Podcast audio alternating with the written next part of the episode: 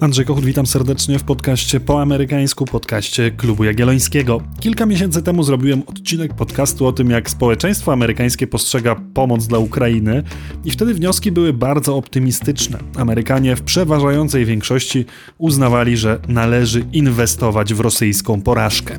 Jednak sporo czasu od tamtego momentu minęło, doniesienia z wojny niestety trochę spowszedniały, wyraźniejsze stały się też problemy wewnętrzne, chociażby inflacja. Dlatego uznałem, że warto ponownie zagłębić się w świat amerykańskich sondaży i spróbować prześledzić trendy wśród amerykańskich wyborców, zwłaszcza, że wybory już coraz bliżej. Zapraszam do słuchania.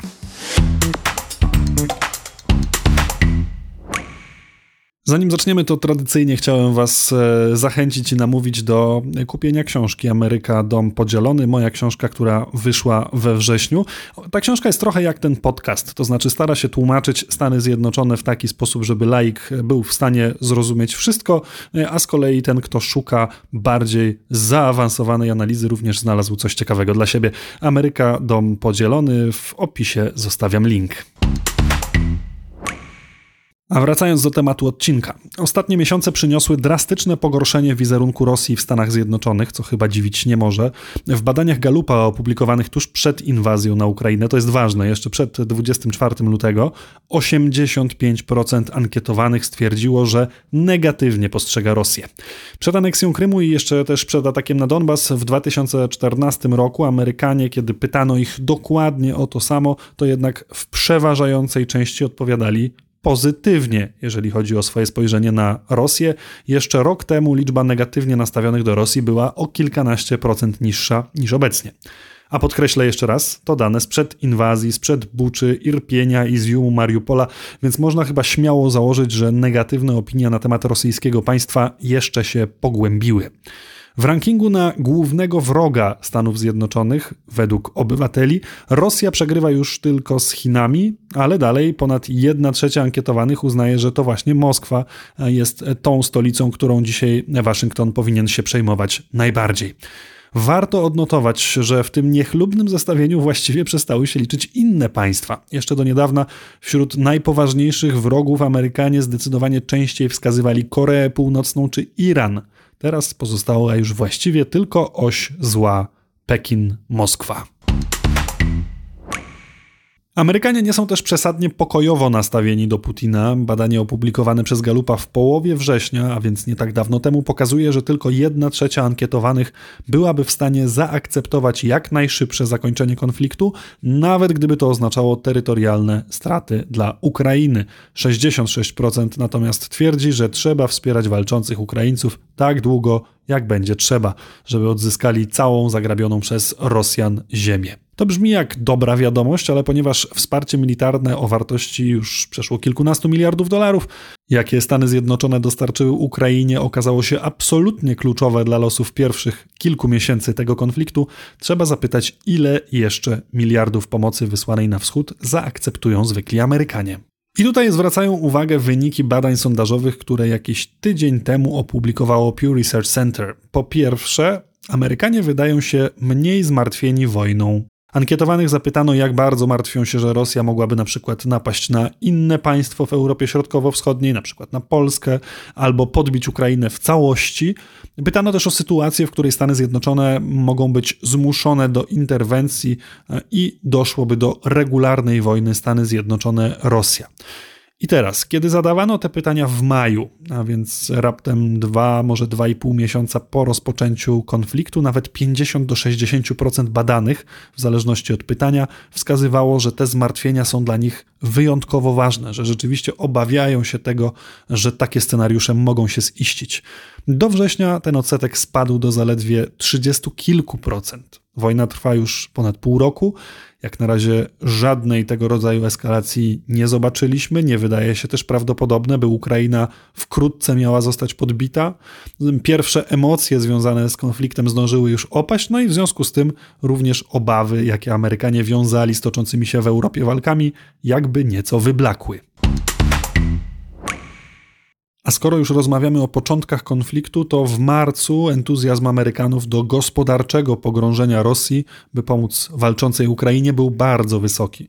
Według badania opublikowanego przez Wall Street Journal, prawie 80% ankietowanych wówczas było zdania, że Stany Zjednoczone powinny uderzyć w Rosję silnymi sankcjami, nawet jeżeli koszty tego byłyby odczuwalne również dla amerykańskiego społeczeństwa. Ale ten entuzjazm również może topnieć. Pew Research zadaje ankietowanym pytanie, czy ich zdaniem pomoc Stanów Zjednoczonych dla Ukrainy jest zbyt mała, wystarczająca, czy może już okazała się zbyt duża. W marcu ponad 40% twierdziło, że USA robią zbyt mało, że rząd powinien wykazać się bardziej, jeszcze więcej sankcji, jeszcze więcej militarnej pomocy.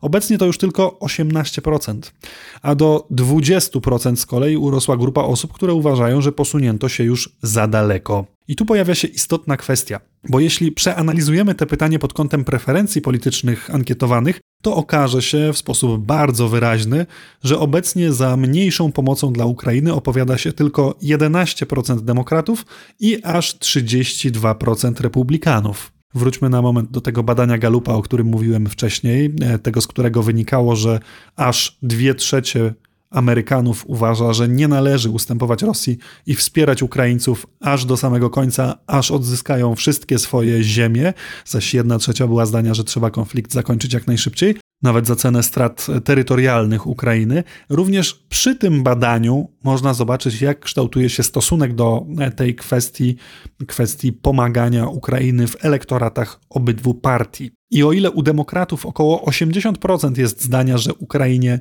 należy się wsparcie do samego końca, o tyle republikanie są podzieleni niemal porówno. 46% uznaje, że trzeba dążyć do pokoju za wszelką cenę. No dobrze, po co te wszystkie liczby? Co z tego wszystkiego wynika?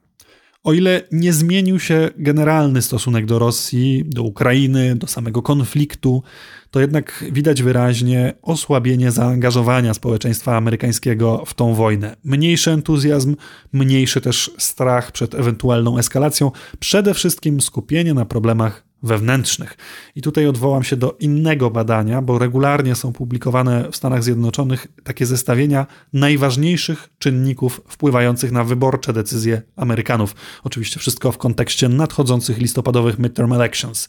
I to, co jest interesujące, to fakt, że na tych listach czynników wpływających na wybory Amerykanów wojna na Ukrainie właściwie się nie pojawia. Przede wszystkim inflacja, kwestia aborcji, nielegalna imigracja, przestępczość w miastach, prawo do posiadania broni, nawet ustalenia komisji dotyczące wydarzeń 6 stycznia, odpowiedzialności Donalda Trumpa za wydarzenia na Kapitolu, to wszystko są kwestie, które mogą jakoś zdeterminować wyniki wyborów, a wojna w Ukrainie najwyraźniej nie. Oczywiście od wielu miesięcy mówi się przede wszystkim o inflacji. Prawie 40% Amerykanów wskazuje, że kwestie gospodarcze są dziś dla nich najważniejszym zmartwieniem.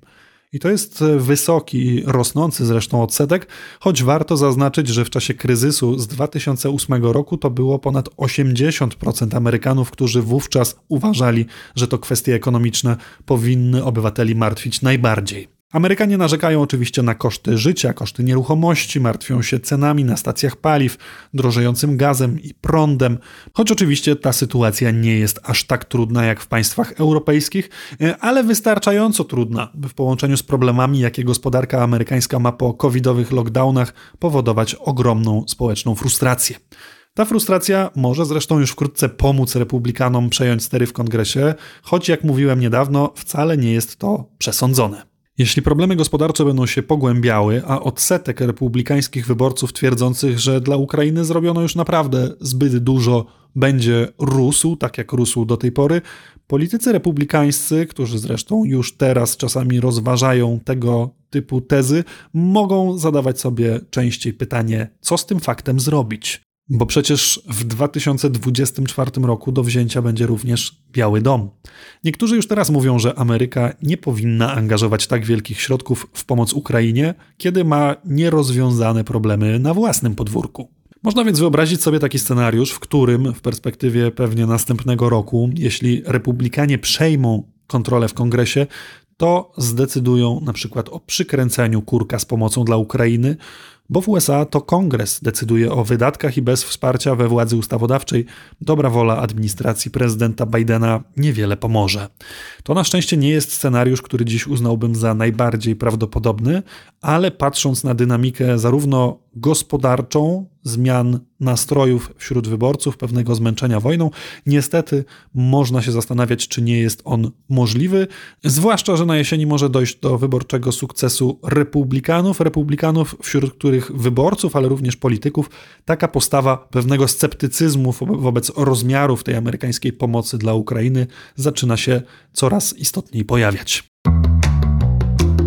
To wszystko na dziś. Bardzo Wam dziękuję za wysłuchanie tego podcastu. Mam nadzieję, że pozostaniecie ze mną na dłużej, śledząc podcast po amerykańsku na różnych platformach podcastowych, tam gdzie to tylko możliwe.